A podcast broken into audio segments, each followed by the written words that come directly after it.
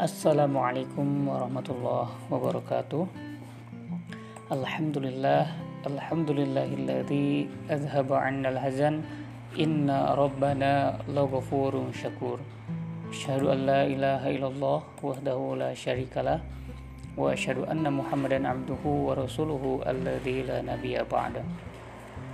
Selamat pagi ayah bunda AATT dan juga abah ambu semua di pagi yang dingin ini, mari kita panjatkan puja serta puji kita kepada Sang Maha Pencipta karena atas karunia-Nya lah kita masih diberi kesempatan hidup untuk menambah kebaikan dan mentobati semua kesalahan. Kembali lagi dalam serial podcast Kitab Sakit Hati. Pada kesempatan kali ini kita akan membahas salah satu akhlak madmumah yaitu perilaku tidak adil.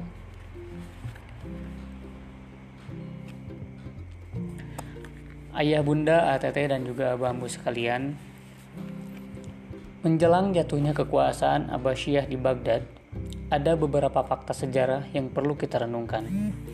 Pada saat itu, terjadi kesenjangan yang besar antara orang-orang di lingkaran kekuasaan dan rakyat jelata. Kelompok pertama hidup sangat mewah, sedangkan kelompok kedua hidup dalam kondisi yang memprihatinkan. Disebutkan pada saat itu, ulama yang paling hebat hanya berpendapatan 12 dinar per bulan, sedangkan pendapatan rakyat jelata jauh lebih rendah. Akan tetapi, Alauddin Al-Zahiri, salah seorang staf kerajaan, berpendapatan 300 ribu dinar dan rumahnya termasuk yang termewah di Baghdad. Yang juga mencengangkan, Khalifah Al-Mustansir dalam pesta pernikahannya memberikan hadiah 100 ribu dinar. Pada pesta pernikahannya pula, Khalifah Al-Musta'asim memberikan hadiah 300 ribu dinar. Pendapatannya per tahun mencapai lebih dari 500 ribu dinar. Sebuah jumlah yang sangat fantastis jika dibandingkan dengan pendapatan sehari-hari rakyat jelata. Bisa dikatakan bahwa pada saat itu harta negara sebagian besar hanya berputar di kalangan kaum elit, entah itu untuk keperluan berbagai macam pesta, hadiah, ataupun fasilitas pribadi.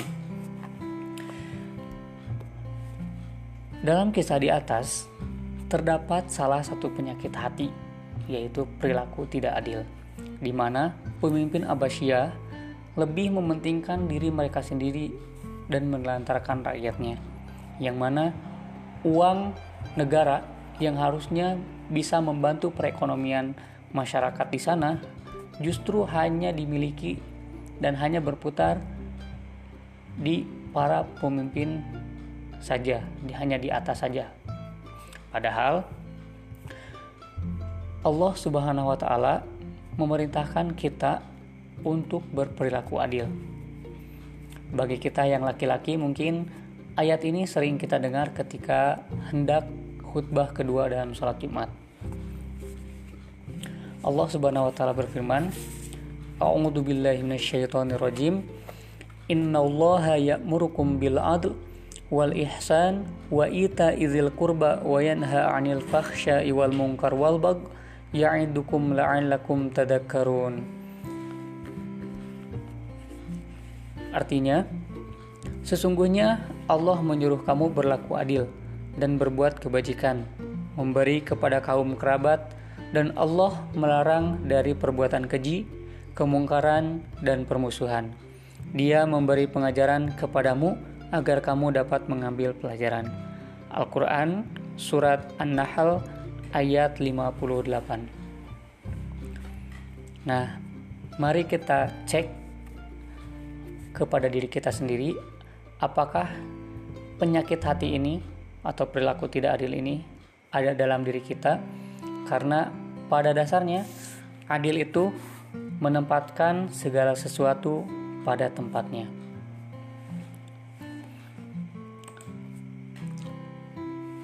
Nah, Abah akan share resep generik anti tidak adil. Pertama,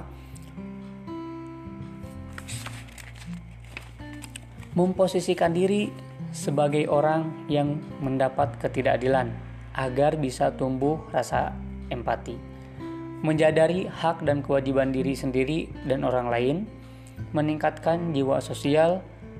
Semua manusia adalah bersaudara, sehingga harus berbuat adil.